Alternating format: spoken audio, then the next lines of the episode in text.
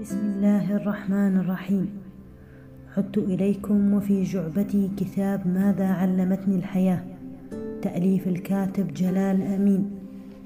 بفكر عميق وقلم شديد السلاسة. يحول أمين سيرته الذاتية إلى آداة سبر للمجتمع الذي نشأ فيه. فإذا به يقارن بين ظروف نشأته وظروف نشأة والده.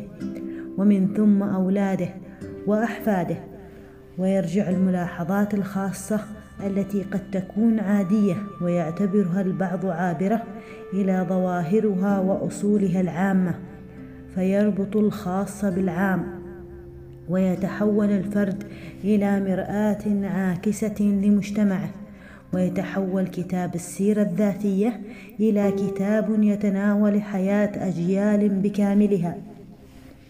يتناول الكتاب بعض التفاصيل الشخصية ولكن بهذا الربط الحيوي والذكي مع الأسباب العامة فعندما يتحدث عن إخوته الثمانية والاختلاف في شخصية كل منهم رغم نشوئهم في بيئة واحدة يكاد يرسم بورتريه لكل منهم بطريقة شديدة الذكاء والصراحة أيضا ويتناول طبعا تحوله الفكري العميق والهادئ من القومية في بواكير شبابه إلى الاشتراكية إلى المادية الوضعية إلى أن وصل إلى مرحلته الأخيرة في نظرته الإيجابية والمتعاطفة مع الدين عموما والإسلام خصوصا وهي نظرة أخرجته من صف اليساريين.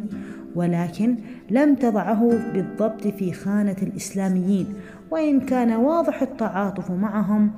أما عن رأيي أفضل ما قرأت من السير الذاتية حيث تحدث عن حياته بأمانة تخلو منها السير الذاتية العربية تقريبا خاصة الحديث منها. عيوبها أن الدكتور جلال أخبرنا عن كل من هم في حياته ولكنه تجنب الخوض في الحديث عن أبنائه وأسلوبه في تربيتهم ثم أنه كان قاسيا بعض الشيء على الرئيس السادات إذ أجده متحاملا عليه. يقال الكتاب الحقيقي ليس ما يعطيك جديدا ولكنه ما يرسخ معرفتك. الاستاذه سالمه القلنديه